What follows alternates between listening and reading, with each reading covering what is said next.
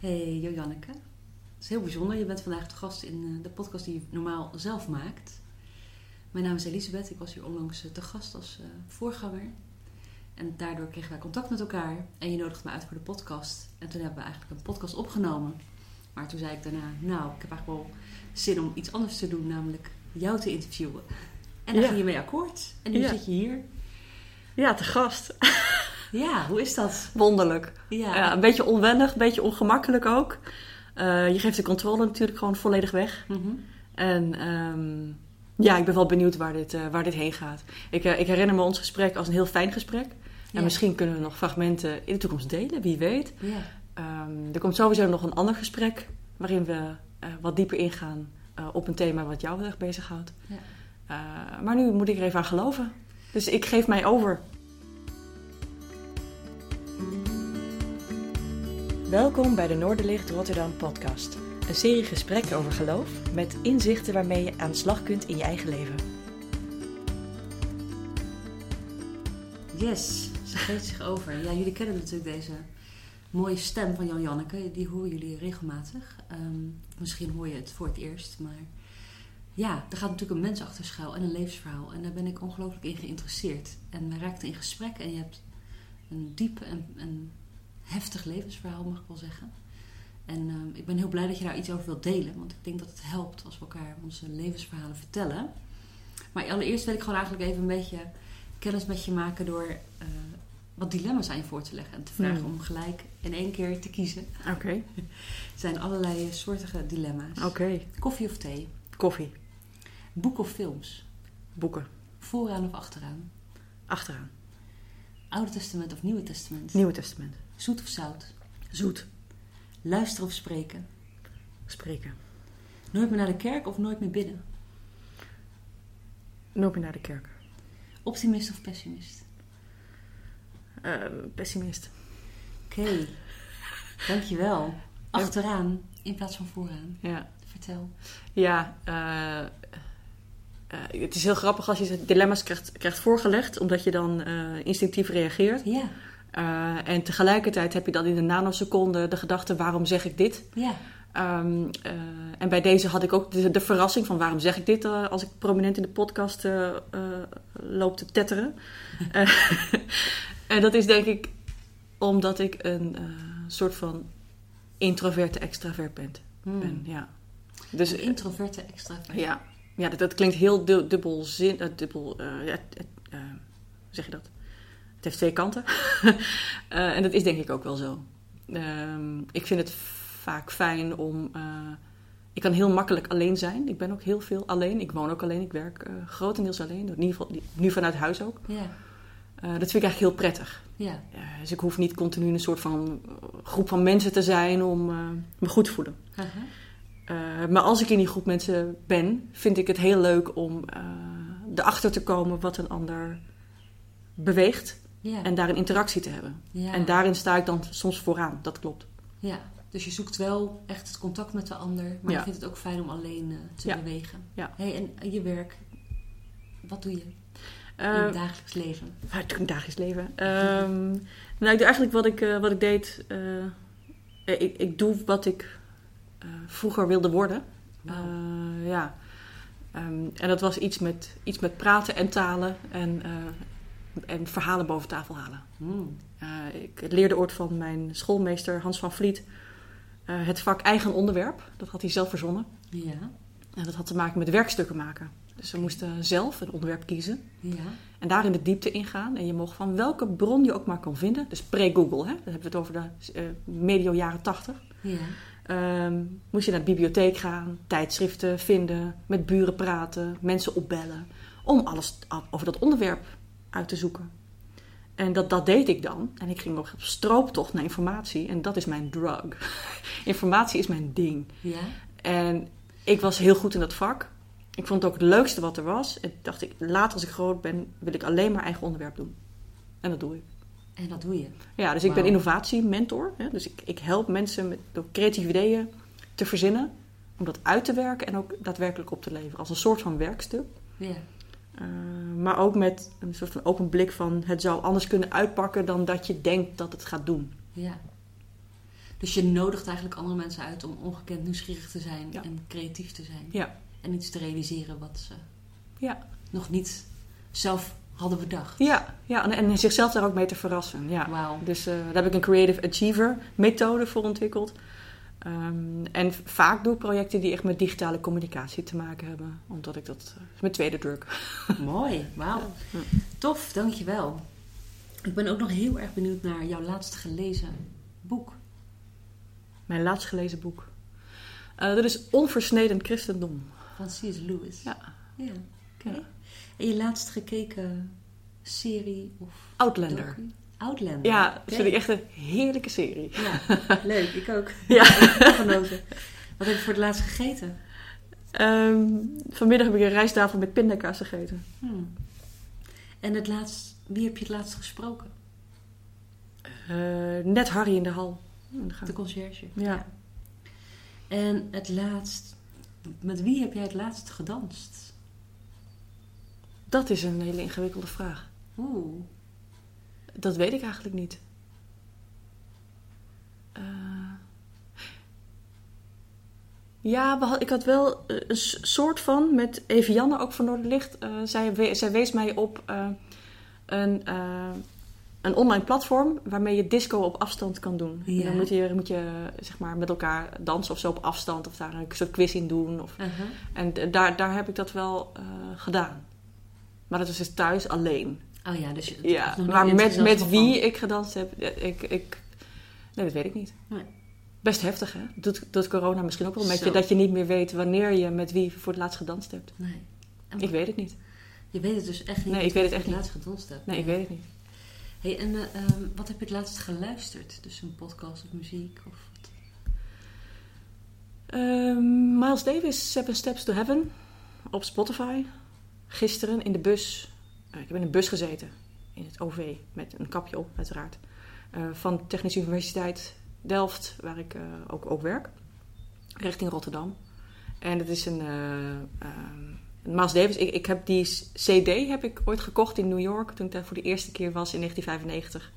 En ik ken hem nog steeds uit mijn hoofd. Wauw, dus Ja. het is een it brings back memories CD. Ja, ja. Dus het, het- het was een hele bijzondere reis voor mij destijds. Als 19-jarige. ehm, vier maanden droog brood gegeten om eh, een, een vliegticket te kunnen betalen. Om samen met mijn studiegenoten van de kunstacademie naar New York te kunnen gaan. Zo, En dat, eh, dat was echt te gek. ja. Daar heb ik echt hele goede ervaringen, eh, hele, hele mooie herinneringen aan.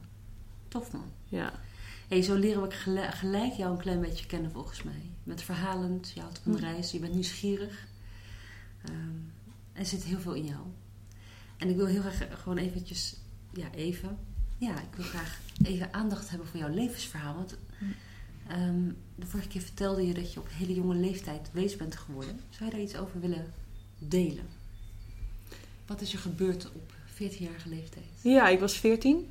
Ehm, en eh, op de dag van mijn zus verjaardag Mhm. ehm, eh, is mijn vader overleden. Ze hadden geen eh, contact door, hij is maar een beetje gebrouilleerd geraakt. Beetje irritatie tussen. Jouw ouders? Of, Ook, die waren gescheiden. Ja. Toen ook al 2,5 jaar. ja?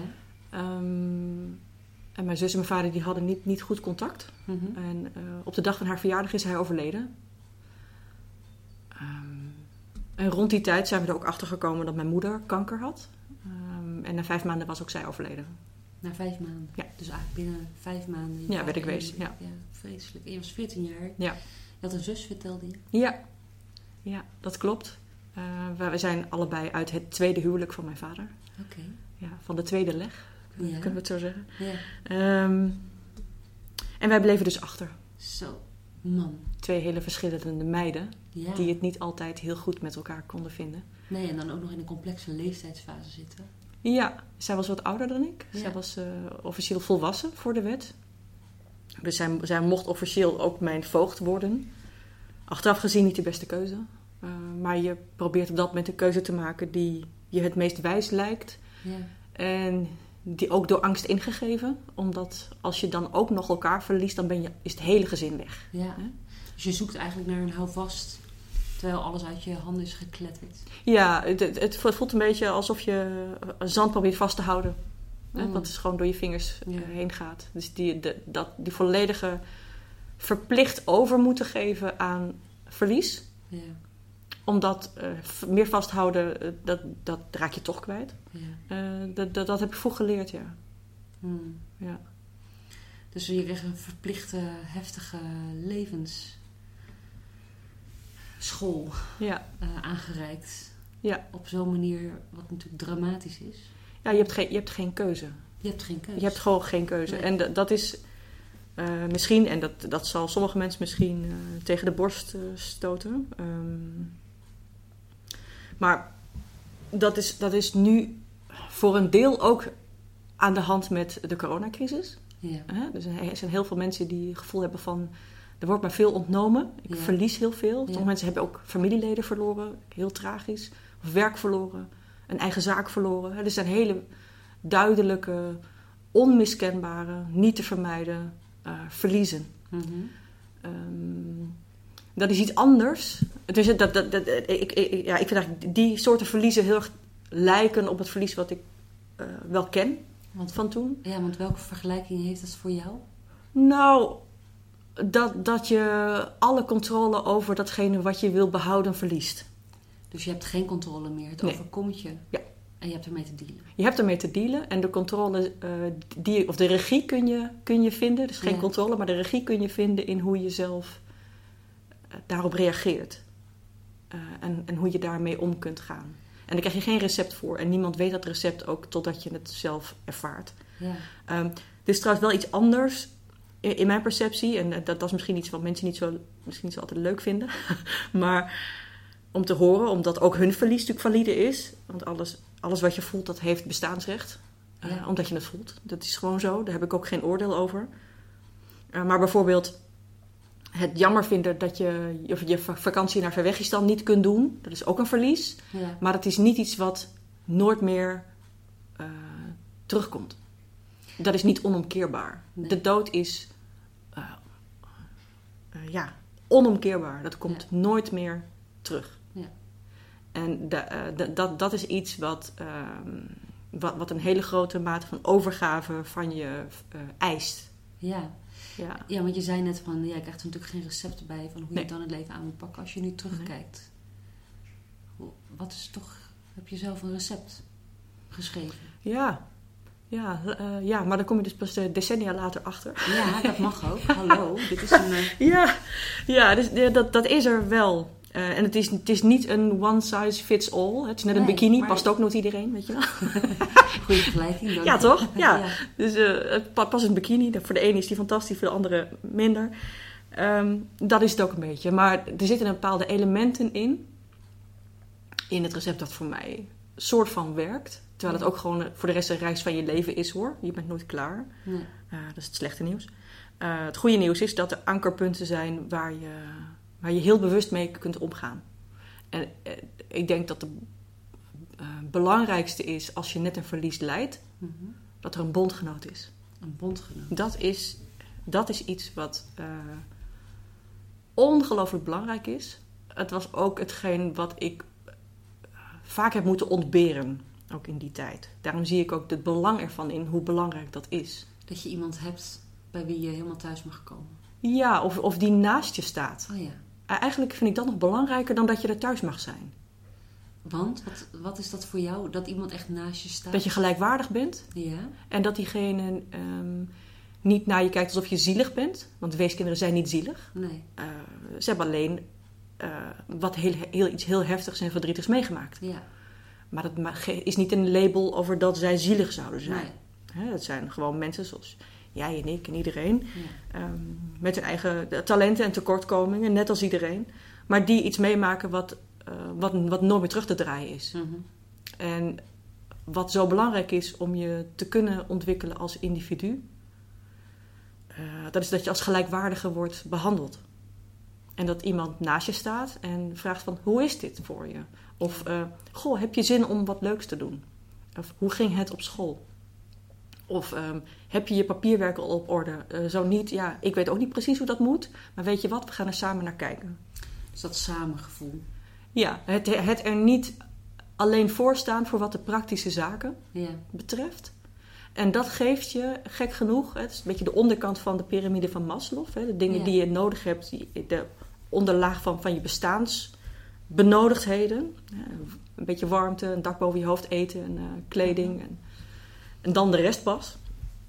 Als, Mhm. als die basis niet in orde is, dan, eh, dan, dan kun je niet van mensen verwachten dat ze zich doorontwikkelen op een spiritueel, of gevoelsmatig of cultureel niveau.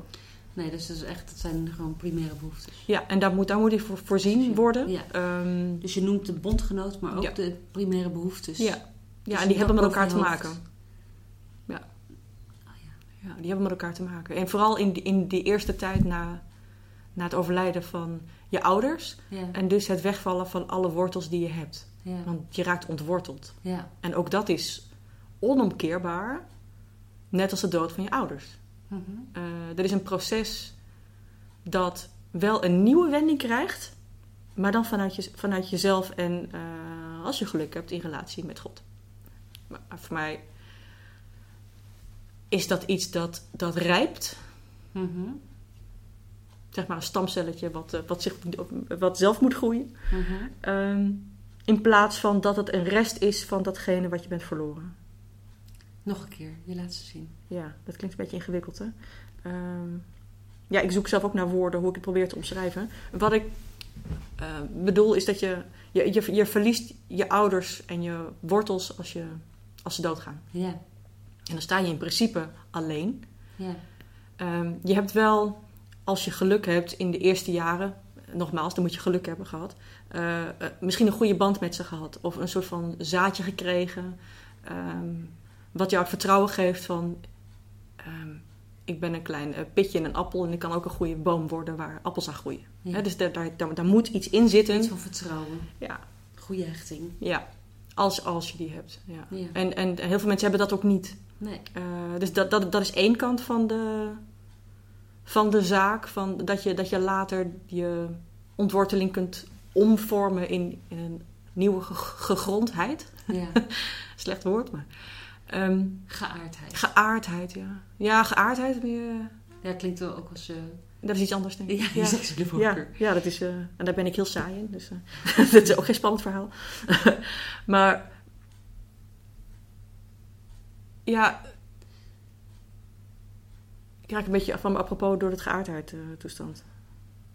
Ehm, ja, dus e- enerzijds de herinnering aan een, aan, een, aan een gezonde hechting die je hebt gehad als je die mazzel hebt gehad. Ja. En anderzijds eh, het rijpen van jezelf als persoon, ook los van je ouders. Eh, en het mogen worden wie je bent. En, al, en na verloop van tijd ontdek je dat je een aantal dingen van nature hebt meegekregen. Mhm. Die, eh, die je ook kan doorontwikkelen. En daarmee doe je hen eer aan. Maar ook jezelf. Dus eigenlijk heb jij ontdekt dat je op den duur eh, weer die relatie moet zoeken met je ouders. Zoals dat vroeger, zoals je... Nee. Dat Ja. begrijp ik niet goed. Nee, dat, begrijp, nee, dat snap ik. Dus het, het is niet heel eenvoudig. Ehm, ja, het, het, is, het is niet zozeer dat ik een relatie met hem wil opbouwen zoals ik dat vroeger had. Want het is gewoon weg. Ja. En dat komt ook niet meer terug. En daar heb ik helemaal vrede mee. Mhm. Ze, hoeven, ze hoeven ook niet terug te komen. Nee. Maar, hè, dus ik, ik heb ook niet die behoefte van, of de hunkering van, nu moeten ze terugkomen. Ik mis ze wel, maar ze hoeven niet terug te komen. Ze, Nee. hebben, ze hebben hun tijd gehad hier, zoals ik nu mijn tijd hier heb, voor zolang ik heb. En dan, ehm, ja, we go on, zeg maar. Ja. Maar het is niet zo dat, dat, ik, dat ik die worteling eh, mis. Het is wel zo dat ik heel lang gezocht heb naar een worteling in bijvoorbeeld mijn familie. Oh ja. In het, in het hopen dat ook daar eh, dat die band zit van waar je vandaan komt en dat je in die zin thuis bent bij je, je oorsprong. Alleen bij die mensen was het helemaal niet te vinden voor mij. Dus je was je vader en moeder kwijt. Ja, Ehm, met je zusje nou, was een leeftijdsverschil. Zo Ja. ingewikkeld eigenlijk. ja. En er was nog familie. Broers, zussen van je ouders. Opa's, oma's wellicht. Eh, er waren een paar familieleden, ja. Ja. En daar is ook niet een eh, contact uit voortgekomen. Vrij afstandelijk. Geen bond. Geen bond. Geen bondgenoot. Geen bondgenoot. Er was geen bondgenootschap. Nee, Nee. nee. Het, eh, in mijn eerste boek, dat heet Zo nu ben je wees. Sorry, nog een keer? Zo? Mijn eerste boek heet Zo nu ben je wees. Mhm. Eh, daar, op de cover daarvan staan twee tekstwolkjes. de, Mhm. het grootste bovenaan staat: Zo nu ben je wees. En daaronder een klein tekstwolkje met het woord doei erop. En dat En dat is, wat, dat, dat is hoe het ging. van hoe jij dat ervaren hebt. Ja, en ehm, bij de boekpresentatie destijds Mhm. in 2013, toen zei ehm, mijn tante, eh, ook heel eerlijk, wat ik op zich wel moedig vond, ehm, van ja, Janneke, zo was dat ook. Want wij konden je ook niet opvangen. En eh, ja, het, het is gewoon hoe het was. En onze familie zit niet zo in elkaar. En dat was ook zo. Mhm. En het is enerzijds een hele harde boodschap. Ja. En ik heb voor mezelf daar echt tot, mijn, tot na mijn veertigste, ik ben nu 45, Mhm. eh, tot na mijn veertigste gehunkerd naar de band die dan wel goed was. Dus ik heb in mijn hoofd zo vaak het proberen recht te praten. Dat het eigenlijk toch wel goed zat tussen mij en de familie. En dat, Oh, het, ja. dat ze eigenlijk toch wel van me hielden. Of dat het eigenlijk... Maar de realiteit was dat het er gewoon niet was. Dus je moest echt eigenlijk leren erkennen: dit is niet wat ik nodig heb. Dit is verre van wat ik nodig heb. Precies. Ze waren er niet. Ja, dat klopt. En dat doet eh, pijn. Ja, ja, dat doet pijn. En het, het, het, het mooie ervan, en dat heeft, eh, ja, dat is eigenlijk een soort van eh, kruisdraging. Ja. Dat, je, dat, je, dat, dat het gevoel of de hoop sterft, Ja. dat, dat dat goed komt. Of, of dat die aarding daar komt met, met, met die mensen. En daar kun je dan om, om rouwen. En daarna sta je dus op een, op een nieuwe manier op. En denk je, ik ben verdorie vrij. Dus je eigenlijk En je thuis. ook daar van dat verlangen Ja, moest je afscheid nemen. Ja, dat, dat je- verlangen hing aan het kruis, ja. Ja, zo. Ja. Nou, dat is een hele Ja, beeldspraak. ja. Maar- maar zo voelt dat ook. En dat, en dat heeft dus ook die bevrijding in zich. Dit, dit, dat, dat heeft echt beide kanten in zich. Want je werd ook bevrijd van dat, dat continue hongerige Van het- van de stemmetje, Ja. Van de hoop. Ja, en van de teleurstelling en van het jezelf in je hoofd halen dat het eigenlijk anders zat. Ehm, dat, is, dat is ook echt een, een hele oprechte bevrijding. Ja, dat begrijp ik wel. Jazeker. Ik begrijp ook dat het, dat het helpt om die erkenning te geven ook aan jezelf. Ja. Want als je inderdaad steeds blijft hopen op iets wat nooit gaat komen... Ja. Ja, ja dan, dan leidt, het, leidt het ook tot, tot deceptie en teleurstelling. Ja. En nu kan je zeggen, En- het komt nooit meer goed. Ja, En, En- daar kan je dan makkelijker mee leven dan veel makkelijker. Wanneer je continu teleurgesteld wordt in, Ja. je, in je verlangens. Ja, dus eh, ik heb eigenlijk gewoon op een gegeven moment eh, ben ik volledig bereid geweest om me oncomfortabel te voelen met, de met die realiteit. Ja. En ehm, dan kun je daarom rouwen. En dan, Ja. dan kun je daarnaar kijken. En je kan het doorvoelen. ja. En daar, daar vlug je dan ook niet voor. En eh, eigenlijk is dat dus, die overgave, wat niks met opgeven te maken heeft, maar wat overgave is voor mij, was dus de sleutel naar eh, die worteling in mezelf. Dus je leerde Ja. thuis te komen bij jezelf. Ja, dus de ontworteling die gebeurde toen ik 14 was, kreeg ik eh, na mijn 40ste eh, op een hele andere, onverwachte manier terug. Hey, en welke rol speelt God daarin? Daar ben ik benieuwd naar. Ja, dat, dat, is, dat is, is eigenlijk. eh dat klinkt heel respectloos als ik zeg. Dat is eigenlijk iets van de laatste jaren. Dus laat het hem niet horen. Hij weet alles. Hij weet alles. ja, nou, niet voor de gek. Ehm, ja. Met terugwerkende kracht kun je, kun je terugkijken en zien van. Al die jaren dat ik dacht dat ik alleen was, Ja. was ik dat dus niet. Dus je voelt door God een soort, ja, alsof hij je gedragen heeft. Of dat, hij, dat er toch een grond was onder je val. Hoe moet ik Ja. dat zien? Ja, er, wa- er waren steeds ehm, of net goede ideeën die, die me binnenvielen. Die mij een, een betere toekomst gaven. Mhm. Mensen die op mijn pad kwamen, eh, die eh, het goed met me voor hadden. Ehm, ben gezegend met een goede walnoot tussen mijn oren. Dus mijn, eh, ook- ik heb talenten meegekregen waar ik iets mee kon. Ja. En heeft me ook de- ik heb de inspiratie gekregen om dat dus ook te doen. En ondanks ontworteld zijn en er alleen voor staan, ehm, blijkbaar toch lol gehad in het dat oppakken. ja. En eh, dat heeft ook een beetje met eigen onderwerp te maken voor mij. Dat, dat, dat, dat, dat de nieuwsgierigheid en het verlangen naar, naar het maken altijd wint. ja. Altijd. Ja, want je- bent eh, ongelooflijk goed ontwikkeld als mens. Terwijl je inderdaad vertelt over hoe ontwricht dat voelde en hoe ontheemd dat was en ontworteld. zie ik nu een heel getalenteerde vrouw voor me. Die weet wat ze wil. Die eh, haar business runt. Dus ondanks jouw eh, heftige verhaal... ben je wel met je, je walnoot tussen je oren ver gekomen.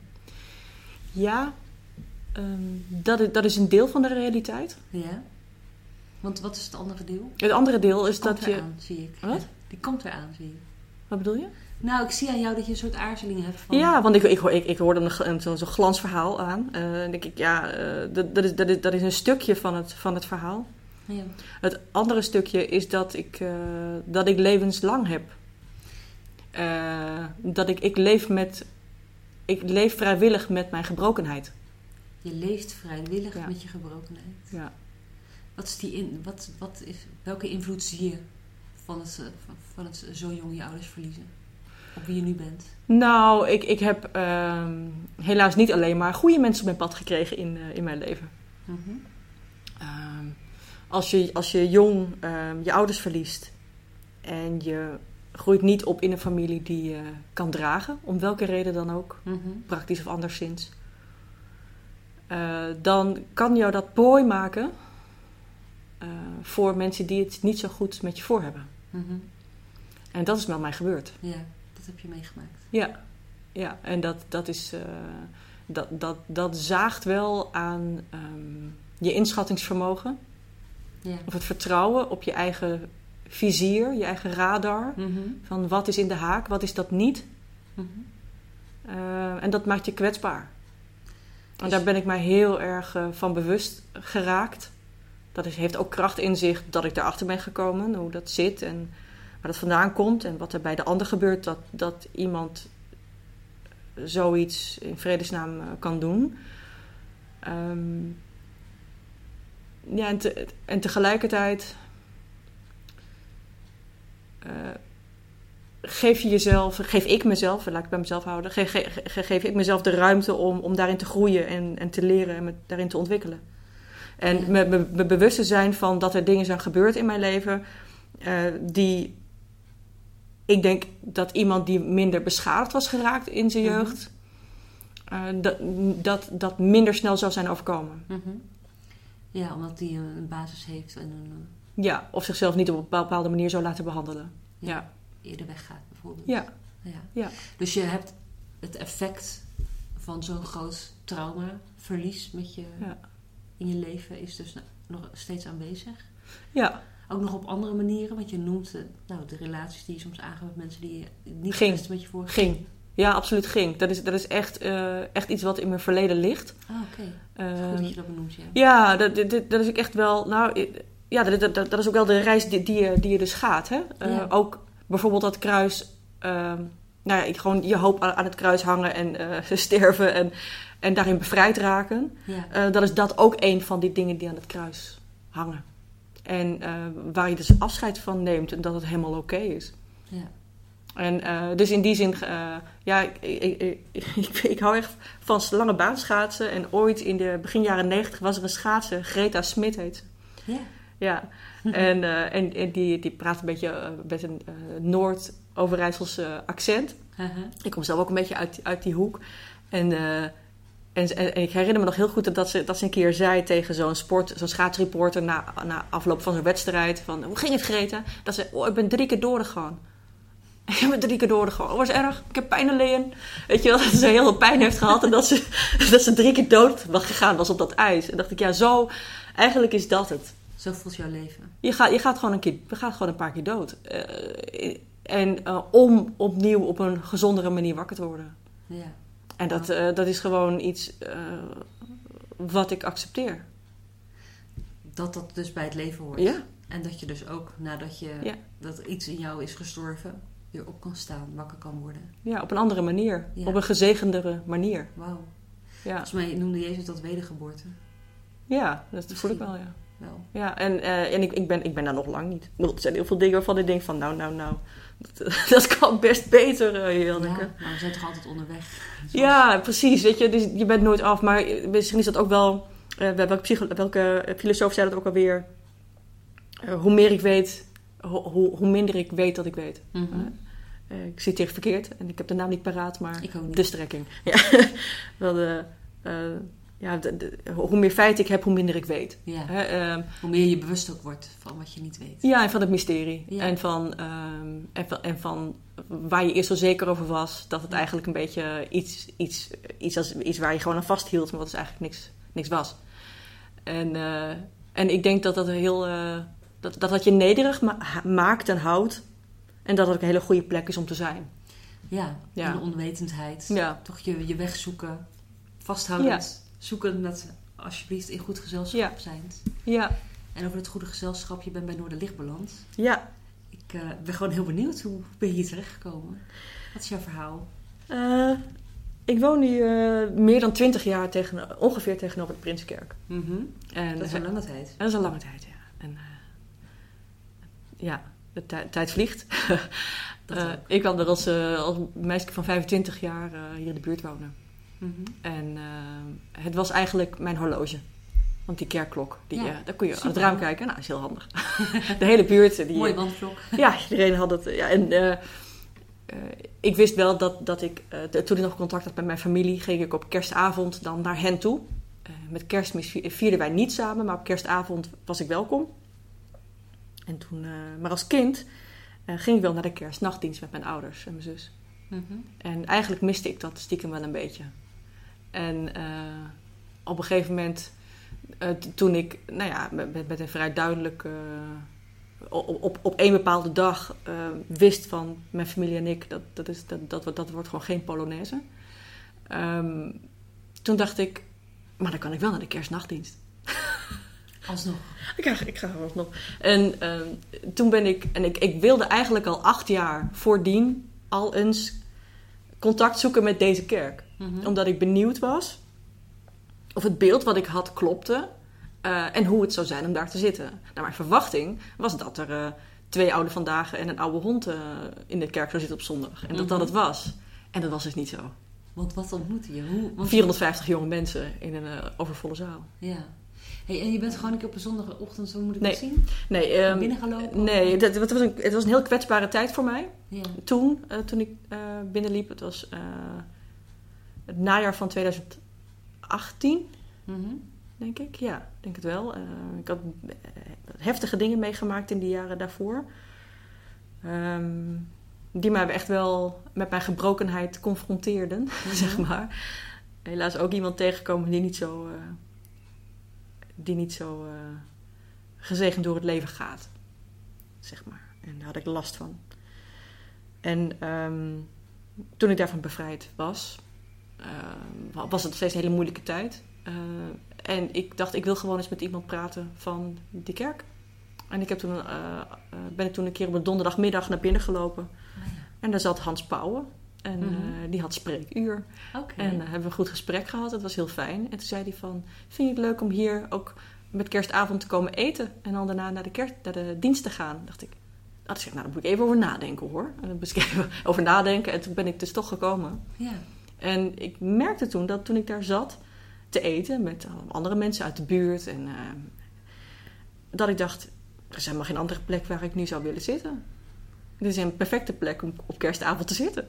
en het was eh, En een onbekend gezelschap. compleet, aan een ja. lange tafel. Ja. Ja, dus heel onbekende mensen. En de hele zaal zat vol. Dus het was hi- hier. We, zitten, we zijn eh, in een, in een deel van die zaal aan het opnemen nu. Ja. Er zit zo'n schuifwandje tussen. Hè? Normaal is het een grotere ruimte. ja. En ehm, ja, dat, dat, dat was mij wel een bijzondere ervaring. En eh ze nodigde mij ook vrij snel uit om mijn talenten met hen te delen. Dat is vroeg maar of ik eh, eh, ja, met, iets in online communicatie wilde doen met Mhm. hen. Dus dat, ik dacht, dat vond ik een heel goed idee. En toen ben ik de podcast gaan maken vanaf april eh 2019, denk ik. Wauw. ja. Dat doe je nu al twee jaar. ja, ja, iets langer, ja. Hey, en ehm, je was Andere al- mensen bevragen. Ja, andere mensen vragen. De vraag is soms veel, veel makkelijker. Ja, Ik vind het wel fascinerend, want je bent hier dus terechtgekomen, maar je bent lange tijd niet aan de kerk geweest. Was je wel, ja, ik vroeg een beetje naar de rol van God in jouw leven. Was je, ben je altijd gelovig geweest? Of, of hoe? Nee, Eh, ik ben wel als, als kind gedoopt in de Mhm. Lebuinskerk in, in Deventer. Mhm. Hele mooie grote kerk. Ehm, mijn ouders waren heel gelovig. Mijn vader was eigenlijk van oorsprong gereformeerd. Ja. maar hij ging scheiden van zijn eerste vrouw. Ehm, en wilde daarna opnieuw trouwen voor de kerk. Dat vond de gereformeerde gemeente geen goed idee. Nee. En eh, hij eh, belandde met zijn derrière op de stoep, bij wijze van spreken. Ja. En eh, heeft daarna samen met mijn moeder gezocht naar een kerk waar zij wel welkom waren. En dat was de Nederlands Hervormde Kerk. Mhm. En daarom ben ik ook Nederlands Hervormd gedoopt. Ja. En eh, eh, ik heb als kind ehm, ben ik wel naar een christelijke school gegaan. Ik ging ook op eigen initiatief, omdat mijn klasgenootjes dat ook deden, naar de zondagschool. Dat wilde ik, Ja. wilde ik ook graag doen. Eh, vond ik leuk. Ik luisterde vaak naar eh, eh, het plaat van het, van het verhaal van Mozes met de muziek van Ennio Morricone eronder. Dat zal ik nooit vergeten. Mhm. Ehm, maar na verloop van tijd verwaterde dat wat. Maar er zitten dus wel, ja, je, je had ook kennis gemaakt met wat bijbelverhalen. Zeker. Er was een, een, Ja. Een grond onder jou. Ja, dat was. Ik heb ook ooit met, met kerst eh, Super. Bijbelversen voorgelezen voor op school, Oh ja. weet je wel. Ja. Ja. dat, dat, deed- dat deed ik wel. Ehm, maar op een gegeven moment, ons gezin raakte gewoon ontwricht eh, voor het overlijden van mijn ouders. Eh, Ja. Zeker al vijf jaar daarvoor. Ja. En dat was een hele heftige tijd voor ons eh, gezin. En ehm, maakte dat voor ons ook niet echt eh, dat, dat, dat geloof bij ons een vaste rol had in het eh, dagelijks leven. Ik was ook vaak de enige die daar, daar echt iets over zei. Ehm, en bij mijn vader, die, die kwam wat meer uit een, uit een geloof van schuld en boete. Wat het Mhm. voor ons niet heel erg aantrekkelijk maakte om daar meer over te ontdekken. Mhm. Ehm, onze moeder had het, had het er eigenlijk nooit over. Eh, maar ik ben wel, de- wel naar christelijke scholen blijven, blijven gaan. Maar toen mijn ouders kwamen te overlijden, toen stond ineens ehm, mensen van de kerk voor de deur. En toen dacht ik, waarom nu wel? In al, al, deze voor, voorgaande moeilijke jaren niet. Mhm. En ik voelde me daar eigenlijk eh, een beetje door gemanipuleerd of gepiepeld. Eh, Ja, dat ze zeiden, ja, ja, ze zeiden van... eh, ja, nu zijn je ouders overleden. En dat moet ook niet leuk voor je zijn. Kom maar naar de kerk, dan komt alles goed. Oeh. En ik voelde me gemanipuleerd. Dus ik dacht, ik zeg, ja maar... Ja, sorry, maar ik heb gewoon een winterjas nodig. En ik moet de huur betalen. En ik... waarom komen jullie hier? Ja. Ja, we komen hier om je Jezus te brengen. Ja, toen had ik zoiets van, zet hem maar in de tuin. Als dat Ja. zo moet, als dat zo'n wisselgeld is, dan moeten die ouders eens doodgaan voor, voor, voor, voordat je langskomt? Of voordat je een band met me wil opbouwen? Wat is dit voor, eh, voor truc? Je had niet het gevoel dat, dat, dat ze met, met, met fijne intenties kwamen. Nou, ik, ik, weet niet, ik weet niet wat hun intenties waren, maar het Mm. voelde in ieder geval niet alsof ik er als, per- als persoon of zo welkom was. Maar meer omdat mijn ouders dood waren, eh, dat, dat ze langskwamen eh, met een verhaal waar- waarin, waarin ze niet luisterden naar wat ik nodig had. Hmm. Maar meer zei van, kom maar naar ons, dan komt alles goed. Het voelde meer als een soort van wisselgeld. Zieltje winnen op een kwetsbaar kind. Oh ja. En ik werd daar heel boos van. Ja. Ik werd echt verschrikkelijk boos daarvan. Dus ik heb toen gezegd, nou schrijf er maar uit, ik wil er niks mee te maken hebben. Mhm. Ik was er helemaal klaar mee. ja. Dus dat, toen brak je Ja. Met die kerk. Ja, ik was echt, ik was gewoon een, een boos kind. Ja. Ehm, en op dat moment was het fijn geweest als er een, als het, als- kijk, als ze een andere benadering hadden Ja, genomen. wat, wat had wel, wat, wat, wat had, wat had voor jou het goede, wat was voor jou goed geweest? Ehm, ja, dat is heel lastig om daar, om daar een, een, eh, een advies over te geven. Omdat, ik. Omdat iedereen weet dat, ehm, dat een puber altijd anti is tegen alles.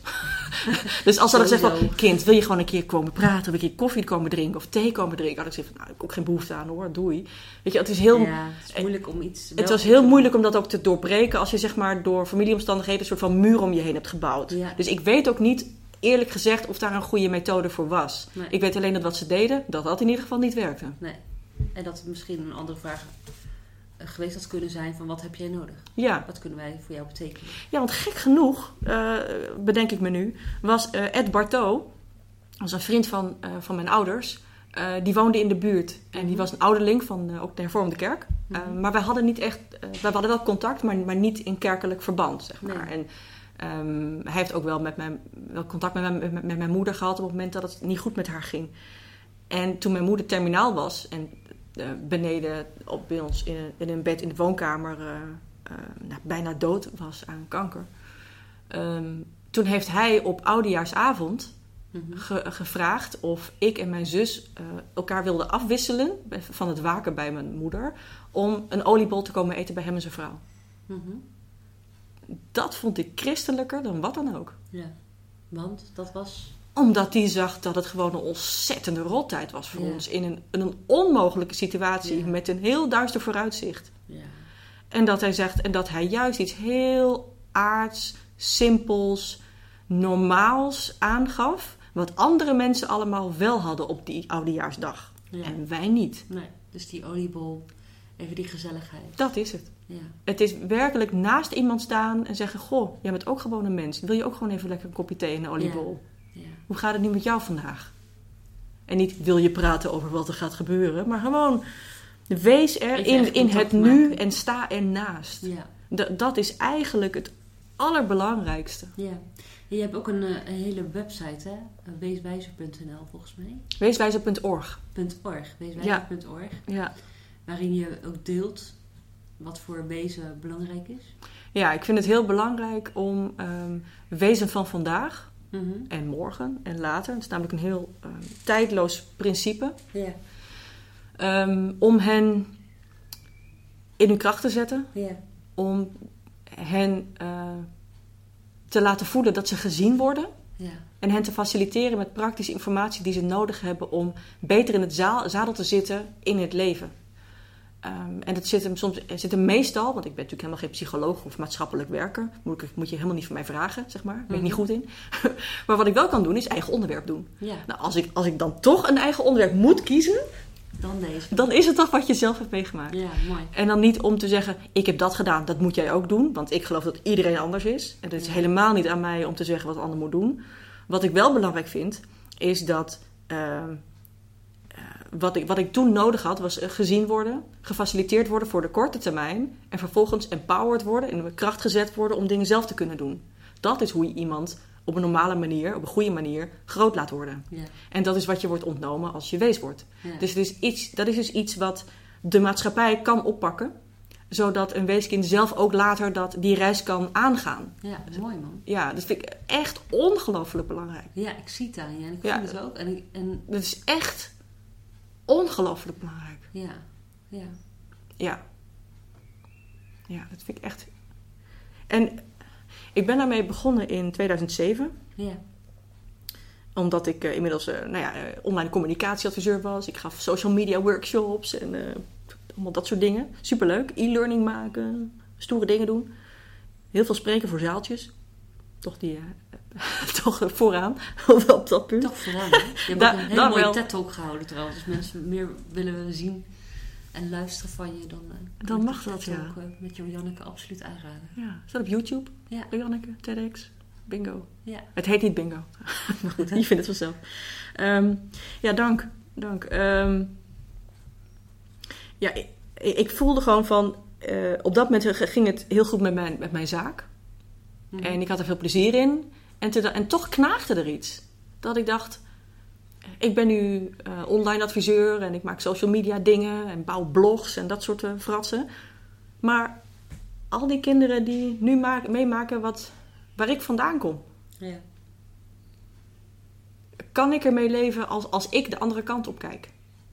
En als zij dat net als ik, met een onduidelijke toekomst en een, en een totaal niet gegarandeerde uitkomst, mezelf moeten gaan oppakken zonder backup.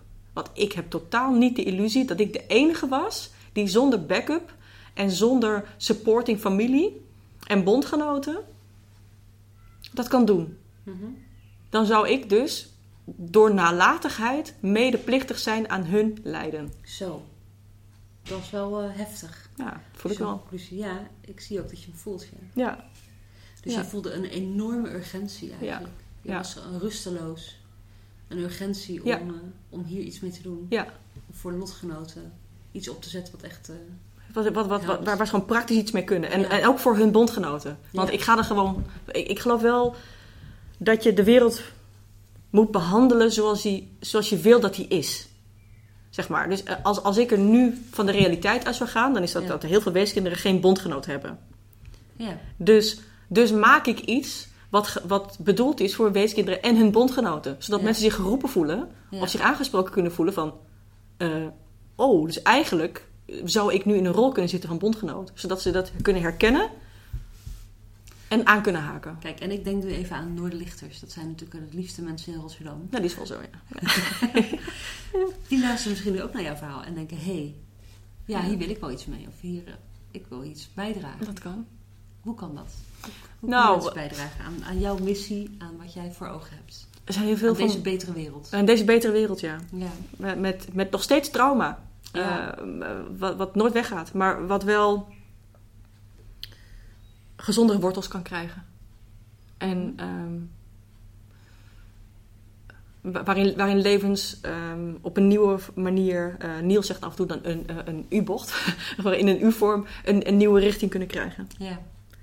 En wat, wat, wat kunnen wij bijdragen? Wat kunnen we doen? Nou, ik, ik denk eh, allereerst je, jezelf op de hoogte stellen. Dus educate yourself. Ja. Over wat er gebeurt eh, als iemand wees wordt. Mhm. Dus neem eens een kijkje op weeswijzer.org. Overweeg mijn boekje Zo niet ben je wees te lezen. Mhm. Je mag het ook lenen als je het, als je het niet kan betalen. Mhm. Eh, ik vind het belangrijk gewoon dat iedereen het, het weet. Kijk inderdaad eens naar mijn TEDx-talk op, op YouTube daarover. Het is in het Engels, maar ik denk dat de meeste mensen het wel eh, beheersen. Ehm, en als ze zelf iets willen doen, kijk gewoon om je heen of er kinderen zijn die zonder één of beide ouders leven. Die er eigenlijk heel normaal uitzien, maar waar je eigenlijk weet, hier is iets gebeurd wat nooit meer goed komt. Of wat misschien op een andere manier goed komt, maar wat, niet, wat nooit meer wordt zoals het was. Ja. Waar iets onomkeerbaars is gebeurd. En ga ernaast staan. Ga niet zeggen, oh, de- die is zielig. Of eh, ehm, ik, ik wil eh, iets voor je oplossen of iets uit handen nemen. Ga ernaast staan en zie dat diegene een volledig gelijkwaardig aan jou mens is. Daar, daar, daar begint het mee. Ja. En eh, als je daar praktischer vorm aan wil geven, ehm, probeer dan iets kleins te doen wat jou van nature makkelijk afgaat. Je hoeft, je hoeft niet de wereld te veranderen voor iemand. Maar het gekke is dat als je, als je iets kleins doet wat voor jou misschien heel klein is, eh, maar wat voor een ander heel erg bijzonder is, dan verander je dus iemands wereld en iemands leven. Zoals de oliebol. Zoals de oliebol. Voor, voor mij persoonlijk was bijvoorbeeld mijn eh, een soort van eh, voor drie maanden aangenomen pleegvader Koen. Eh, dat was de vader van mijn dubbelgangster in Delft. Op school kwam ik een dubbelgangster tegen op mijn nieuwe school. Toen ik vanuit Deventer was gevlucht naar het Wilde Westen, naar Delft. Ik ging daar naar een nieuwe school. Ik kwam daar mijn dubbelgangster tegen. En eh, haar ouders die vonden het ook heel frappant dat wij zo op elkaar leken. Van, zeg maar nee. Zeg alsjeblieft maar nee. Maar dan krijg je er wel twee. twee boze pubers die op elkaar leken. Ja. En eh, haar vader, die, eh, en ook zijn vrouw uiteraard, die- hebben echt ingegrepen. Op het moment dat ik gewoon op een kamertje zat. Ik, ik had tijdelijk acht maanden mocht ik logeren bij vrienden en haar, bij een vriendin en haar ouders. Totdat ik daar weg moest. Mhm. Ze vonden het niet leuk meer. Of er was andere reden, hoe dan ook. eh, ik werd met zachte druk naar buiten eh gebonjourd. Mhm. Ehm, had een tijdje op kamers. Boven een shawarma tent. In een kamer die niet op slot kon. Wat uitkeek op een muur. En waar eh, eh, de mensen van de shawarma winkel eh, zo'n jongen mij toch best wel interessant vonden. Dus het was een onveilige situatie. Ja. En eh, de, vader, eh, dus de, de, de, de vader van die vriendin van mij, dus eh, Koen, die eh, eiste van mij dat ik zou laten zien hoe ik woonde, waar ik woonde, hoe dat eruit zag. En daar heb ik me echt met hand en tand tegen verzet. Want dat ik dat niet wilde laten zien, want ik had ook mijn trots. Mhm.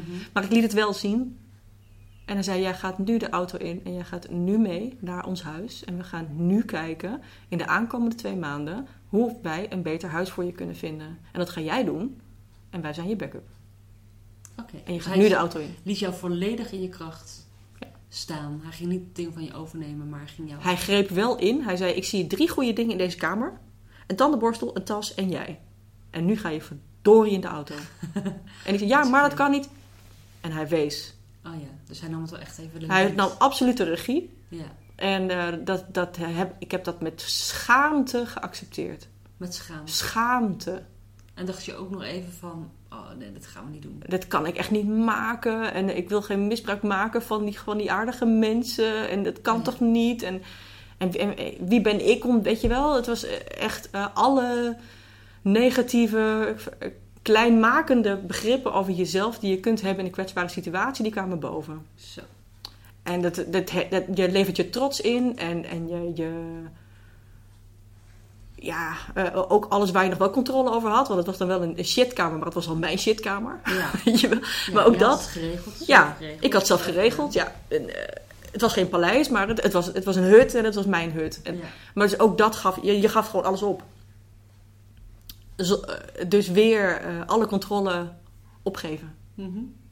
En dat, dat was on- ontzettend moeilijk. Maar wat zij hebben gedaan was zo belangrijk. Want wat, ze hebben dus precies gedaan wat er nodig was. Ze hebben me gezien. Ze hebben doorgevraagd zonder filter. Mhm. En ze hebben een korte termijn op, eh, eh, oplossing gefaciliteerd. Van, logeer maar even bij ons. Mhm. Wij gaan je leren hoe je, zo, hoe je een beter huis moet kunnen vinden. Mhm. We gaan ervan uit dat je dat kan. We gaan je zeggen hoe je dat moet doen. Je gaat het ook doen. Gaat het niet, dan zijn we er. Maar volgens mij kun je dat best. En daarna hebben ze me in mijn kracht gezet om daadwerkelijk ook verder het leven in te gaan. En in twee, drie maanden is dat gepiept, hè? Ja, wat een, eh, wat een geweldige mensen heb je Ja. ontmoet. Ja. Ja. En eh, op dat moment, eh, met terugwerkende kracht, terugkijken, denk je, je was niet alleen. Nee. Want ze hadden het ook niet kunnen doen. En er zijn heel veel mensen die dit niet doen. Mijn familie deed het niet. Nee. Hè? We zijn Deze mensen wel. ja. Ze hadden daar niet... En ik zeg het niet om mijn familie te, te zwarte pieten, maar het is gewoon een constatering Ja. dat het gewoon anders liep. Ja. En zij deden het wel. Ja. En dat heeft mij heel erg veel gegeven. En dat is, het is eh, als je ziet hoe mensen eh, om, om kunnen gaan met hun kinderen. Mhm. En jou die ruimte geven om, of, en zichzelf in, in die rol zetten voor jou. Eh, dat is, dat is een, een eindeloos groot eh, geschenk. Ja. Waar je dus nu nog steeds baat bij hebt gehad. Ja, weet je, ik, heb, door. ja dat, dat, dat werkt door. Omdat het, mensen werkt door in je leven. ja, dat werkt door. Omdat je ook voelt van dat waar ik ontworteld ben geraakt, Ja. zien zij waar de kiemen zitten van mijn eigen wortels. Ja. En doordat zij die daden doen, Ja. mogen mijn kiemen groeien tot mijn eigen wortels. Mhm. Zo, zo, dat, zo leg ik het denk ik beter uit dan hoe ik het zo gebrekkig in het begin van ons gesprek probeerde te doen. Mhm. Je komt door mensen en door situaties erachter eh, dat wat er in jou zit wat waarde heeft, als dat gezien wordt door een ander en niet op basis van invalidatie of goedkeuring, maar juist door het te zien en jou zelf daarin te laten groeien, Ja. daardoor schiet jij wortel. Ja. Dus jij kon weer wortelen. Doordat zij Zij hebben er erg aan bijgedragen, ja. dat faciliteerde. Ja, En geloofde in jouw kracht. ja. Ge- en ook, um, ook op een hele natuurlijke, stoere manier aanspreken. Ook een, Ja. beetje, uh, ook een beetje, een beetje de draak met me steken, soms een beetje uitlachen, maar wel op een, op een liefdevolle manier. Bijvoorbeeld als we stonden af te wassen, dan, uh, dan konden ze zeggen van... Nou, uh, jij zingt een best moppie. Uh, waarom heb jij je niet al ingeschreven voor het conservatorium? Oh ja. Ja, nou, nou, nou, nou weet ik niet hoor. Nou, nou, ik zou het maar doen. Of wat, wat ga je anders doen? Ja, je moet, je moet je wel inschrijven, anders gebeurt er niks, hè?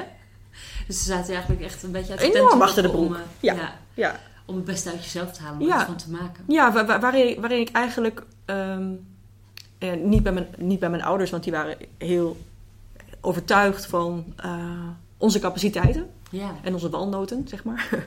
maar de rest, van, de, de rest van mijn omgeving op dat moment, laat ik het zo zeggen, toen ik jonger, jonger was... Uh, ja, die, die hadden meer zo'n inslag van... Doe maar normaal, dan ben je al gek genoeg. En je Oh, denkt ja. zeker dat je heel wat bent. ja. Oh, je wil gaan studeren, weet je wel? Het was, het was, het was wel... eh, Ik moet, je moest wel heel no- normaal doen, omdat je anders er niet meer bij zou horen. Nee, hier was er ruimte om uh, uit te blinken, om iets uh, bijzonders te kunnen. Ja, nou, het wordt eigenlijk gewoon van je verwacht. Oh ja. Van, zou jij niet eens... Uh... ja, maar je bent, je bent niet het conservatorium gaan doen. nee, nee, nee. Ik ben wel ik ben, afgestudeerd ontwerper. Dat Ja. wel. Ja. Dus ik ben naar de kunstacademie gegaan. Ik, wist, ik wilde wel iets van journalist worden. Ik wilde journalist of architect of verhalenmaker. In ieder geval iets met een onderwerp waar je, waar je iets mee doet. Ja. Eigen ontwerp maken. En uh, toen, toen ik was afgestudeerd als ontwerper, toen uh, uh, kwam ik nog steeds met de knagende vragen en de creatieve ideeën. Dus ik werd snel als communicatieadviseur gevraagd, omdat dat blijkbaar een baan was. En toen dacht ik, oh, dat is echt, dat gaat helemaal vanzelf. Daar hoef ik helemaal niet mijn best voor te doen. Dan mag ik toch geen geld voor verdienen als het zo makkelijk is. ja, dus dat, dat vond ik wel echt van wauw. Mag ik ook met internet spelen? Man, wat een feest. Dus het, het, het, was, het was zo makkelijk. En ik denk dat Koen en Marianne, dus, de ouders van die, van die vriendin van mij van destijds, dat, dat zij dat vanzelfsprekende het mogen doen wat makkelijk is en wat je talenten in je heeft, Mhm. Ehm, als je, die hebben, ze hebben laten zien hoe je, hoe, je dat, hoe je dat doet. En dat dat oké is. Ja. Ja. prachtig. Als je zulke mensen op je pad vindt die, Ja. die het leven voorleven. Ja. En je uitnodigen om, eh, om Ja. ook tot leven te komen weer. Na zo'n eh, heftige tijd. Ik ben diep onder de indruk van je verhaal. Ik kan ook nog heel, heel veel over vragen. En kunnen er nog heel lang over doorpraten. ja, er is nog wel één ding wat, wat ik nog wel wil- zeggen. Ook over Weeswijzer. Ja, doe. Ja. Ik was daarin inderdaad Ja. benieuwd naar. En ik ben nog even benieuwd naar je ervaring met Door de Licht. Hmm, ja, dat mag ook. Ehm, Weeswijs. ja, Weeswijzer. Eh, eh, Er, er is één kwestie die nu speelt. Eh, Mhm. In november is er een motie onderteken, eh, ge- aangenomen met algemene stemmen. Wat betekent dat alle 150 Tweede Kamerleden eh ermee in hebben gestemd. Voor barmhartiger huurbeleid voor weeskinderen. Mhm. Omdat het nu zo is Ja. dat eh, weeskinderen na het overlijden van hun ouders eh, vaak binnen twee tot zes maanden hun huis uit moeten als ze in een corporatiewoning wonen. Omdat zij niet op het huurcontract staan als huurder. En dat Mhm. betekent dat er dus per jaar eh, tientallen, honderden jongeren op straat komen te staan, eh, kort na het overlijden van hun ouders. Ehm, dat vind ik onacceptabel. Ehm, gelukkig vinden alle Tweede Kamerleden dat ook. Mhm. En dus is er een motie ondertekend waarin staat dat dat eigenlijk moet gaan veranderen. En eh, dat is een zaak die nu speelt. Ja. En ehm, als, je, als je iets kan doen, is dat je eh, bijvoorbeeld de media een beetje in de gaten houdt over wat daar op dit moment in gebeurt. Mhm. Op weetwijzer.org zal ik daar ook meer over vertellen. Mhm. Ehm, en dat je. En dat je wil bidden voor een goede uitkomst hiervoor. Mhm. Dat vraag ik eigenlijk iedereen. Omdat ik, eh, omdat, even los dat ik er niet mee kan leveren dat er weeskinderen op straat komen te staan, Mhm. vind ik dat, het, ehm, dat iedereen in zijn geweten zou moeten kunnen voelen en weten ehm, dat het niet oké is om jonge nabestaanden op straat te zetten. Mhm. Dus als je er iets aan kan doen, Ja. als je iemand ziet die hiermee te maken heeft, zoek contact met weeswijzer.org, zodat we weten waar het gebeurt, zodat we al die verhalen mee kunnen nemen in het vinden van beter beleid. Want daar zijn we op dit moment mee bezig en daar strijd ik heel hard voor. En dat is niet een eenvoudige zaak. Nee, dat blijkt. Dat is absoluut een, mo- een moeilijke missie, maar het is wel iets waar ik in geloof. En wat is, de, wat is het best mogelijk? Wat is het wonder waar je op hoopt? Het wonder waarop ik hoop, dat is dat ehm, woningcorporaties allemaal Mhm. voelen, erkennen en weten en er verantwoordelijkheid voor dragen dat weeskinderen niet op straat komen te staan kort na het overlijden van hun ouders. Dus meer tijd krijgen. Meer tijd krijgen om van nature hun eigen weg te vinden. Ja. Toen mijn ouders zijn gestorven, toen heb ik nog 18 maanden met mijn zus in het ouderlijk huis gewoond. Mhm. Uiteindelijk ben ik uit eigen beweging naar het westen van het land gegaan, omdat ik behoefte had aan een nieuwe start. Mhm. Omdat ik wist, als ik hier blijf, dan blijft het hetzelfde en daar word ik niet een beter mens van. Ja. En ook voor mijn zus was dat niet goed. Ehm, maar dat was uit eigen beweging. Ik vind dat ieder weeskind het recht heeft, iedere nabestaande heeft het recht om op een natuurlijk moment te besluiten tot die stap. Want als, als, je, het- als het je van, van hogerhand wordt afgenomen Ja. dat je je eigen vertrouwde huis uit moet, waar je misschien geboren bent, waar je ouders misschien getrouwd of gestorven zijn, Ja. als dat door een ander wordt bepaald, dan ben je twee keer ontworteld. Ja. Door het verlies van je ouders en door het verlies van je huis. En soms ook nog kort na elkaar. Ja. Dus ik wil dat iedereen zich realiseert en zich ook heel empathisch, e- voor heel even, al is het maar een minuut, in de schoenen staat van zo'n kind. En voelt van hoe is het als je ouders doodgaan en je moet je huis uit. ja, verschrikkelijk. Ja. Dus ik wil dat iedereen het voelt, ja. En handelt. het probeert het voor te stellen en, ehm, en, er, iets, en er iets mee doet. Ja. En dat woningcorporaties, eh, daar, daar bid ik dus voor, ehm, dat, dat ze het zien, erkennen en hun verantwoordelijkheid nemen. ja. Dank je wel. We moedigen je aan om deze strijd eh, aan te gaan. En Ja. te blijven gaan. Want het kost kracht. Ja, het is wel spannend. En het is spannend. Ja, En, eh, en de uitkomsten zijn nog allemaal heel erg in het ongewisse. ja. Maar eh, ja, Dat ik is wil echt bemoedigen. En Ja. eh, danken. ja en, en Noordlicht speelt daar een grote rol ook, ook, in, ook in. Ja, vertel. Want Ja. daar ben ik nog benieuwd naar. Noordlicht. Nou, ik, ik, eh, ik, ik maak, maak dus de podcast en Ja. eh, ik, ik zo- zorg voor de wekelijkse eh, online diensten. Samen met het livestream team. Mhm. En eh, we maken de visuals voor, eh, dus dat we, ik, maar, eh, met, met een team natuurlijk, eh, voor social media en eh, Twitter en, en dat soort dingen. Maak ik de dienstpagina, eh, maak de preek op en de, de audio-preek voor Spotify. Eh, dat, dat is een, een ritueel wat Ja. mij in contact houdt met iedereen bij Noorderlicht. Niet zozeer omdat ik iedereen daarin spreek, Nee. eh, want het is natuurlijk niet zo in coronatijd. Eh, maar het, het maakt me heel erg geaard met het verhaal van, eh, van de Bijbel. En ehm, het is ontzettend leuk om met Niels samen te werken. En met de anderen. Het gaat heel eh, soepel. Leuk. Ja, dat, is- dat is ontzettend eh, is heel fijn. En daardoor voelt het ook alsof ik hier ook echt thuis mag zijn. Mhm. Ehm, ik vind het ook een hele andere ervaring dan eh, ik ook bij mensen om me heen eh, gehoord heb hoe zij een kerk ervaren. Ik ken iemand die bijvoorbeeld. ehm, ik heb erop getwijfeld of ik dit zou zeggen, maar ik doe het dan denk, denk maar, zeg, denk maar toch maar. Ehm, ik ken iemand die bij de Jehovah's getuigen is, is opgegroeid en daar Mhm. zichzelf aan heeft moeten ontworstelen. En, eh, haar hele familie is kwijtgeraakt, eh, is verbannen. En daar enorm getraumatiseerd door is geraakt. Ik ken mensen die met een andere hele fa- fanatieke kerk eh, is geweest. En eh, daar ook een beetje het gevoel heeft gehad dat ze moest vluchten daarvan. Mhm. En ik ben zo dankbaar dat Noorderlicht helemaal niet zo is. Mhm. Maar ik kan me zo goed voorstellen dat mensen daar soms een beetje bang voor zijn. Eh, omdat ze zelf misschien getraumatiseerd zijn geraakt door hoe ze door een bepaalde kerk zijn behandeld. Want er zijn echt wel misstanden die in sommige kerken gebeuren. Ja. En eh, ik, had, ik had nooit van mezelf gedacht dat ik een deel zou kunnen zijn van, van een gemeente, van een kerkgemeente of wat ook. Had ik totaal niet bij mezelf gedacht. Ik verras mezelf er eigenlijk ook vrij best wel mee. Eh, maar het is een hele fijne, natuurlijke plek om achter, de achter de waarheid voor jezelf te komen. Dus ik, dit podcast is voor mij een soort van cursus. dat ik in gesprek ga, omdat ik ook gewoon benieuwd ben wat Niels over dingen zegt en wat Oh, hij ja. ervan vindt. Dus jij leert er heel veel van door iets te maken. Ja, Leer je, ontdek je zelf ook weer heel veel nieuwe Ja, dingen. je- Dus eigenlijk een geweldige spoedcursus uh, ja, je, Christendom Kerk. ja, you teach best what you need to learn most. Ja, dat is waar. Ja. Ja, mooi man. Nou, dat vind ik wel heel geweldig dat je gewoon zo snel je plek hebt gevonden door dit te gaan doen. Eh, binnen Noorderlicht. Dat ging, ging eigenlijk vrij, eh, vrij natuurlijk en ik Ja. zag het niet aankomen. Nee, nou, Nee. dat vind ik bijzonder.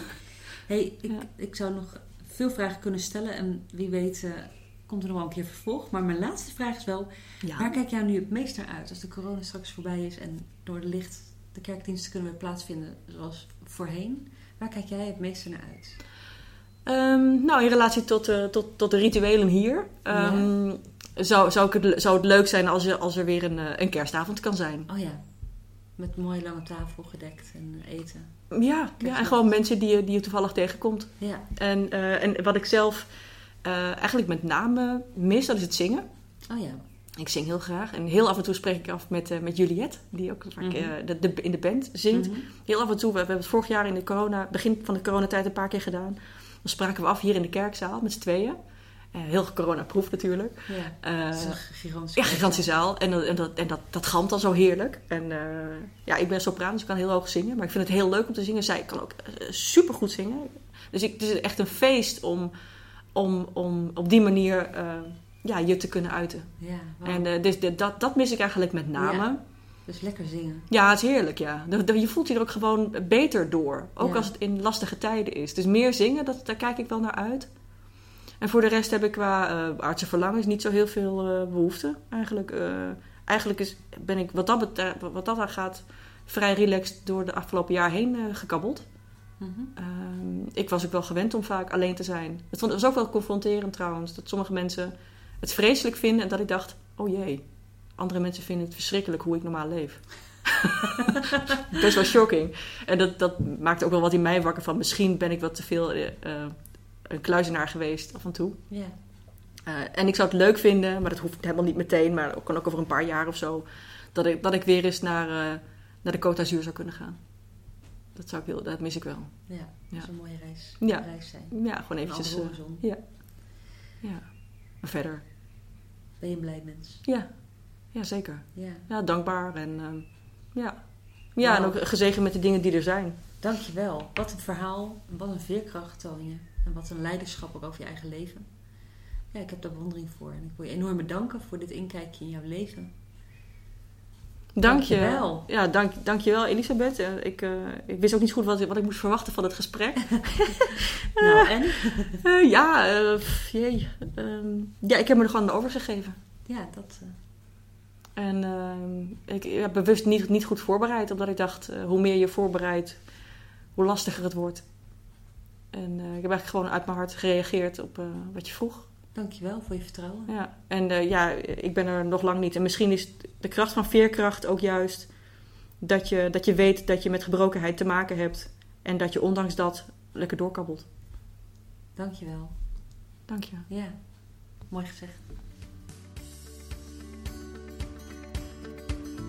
Bedankt dat je luisterde naar de Noorderlicht Rotterdam podcast. We hopen dat je er iets aan had deze keer.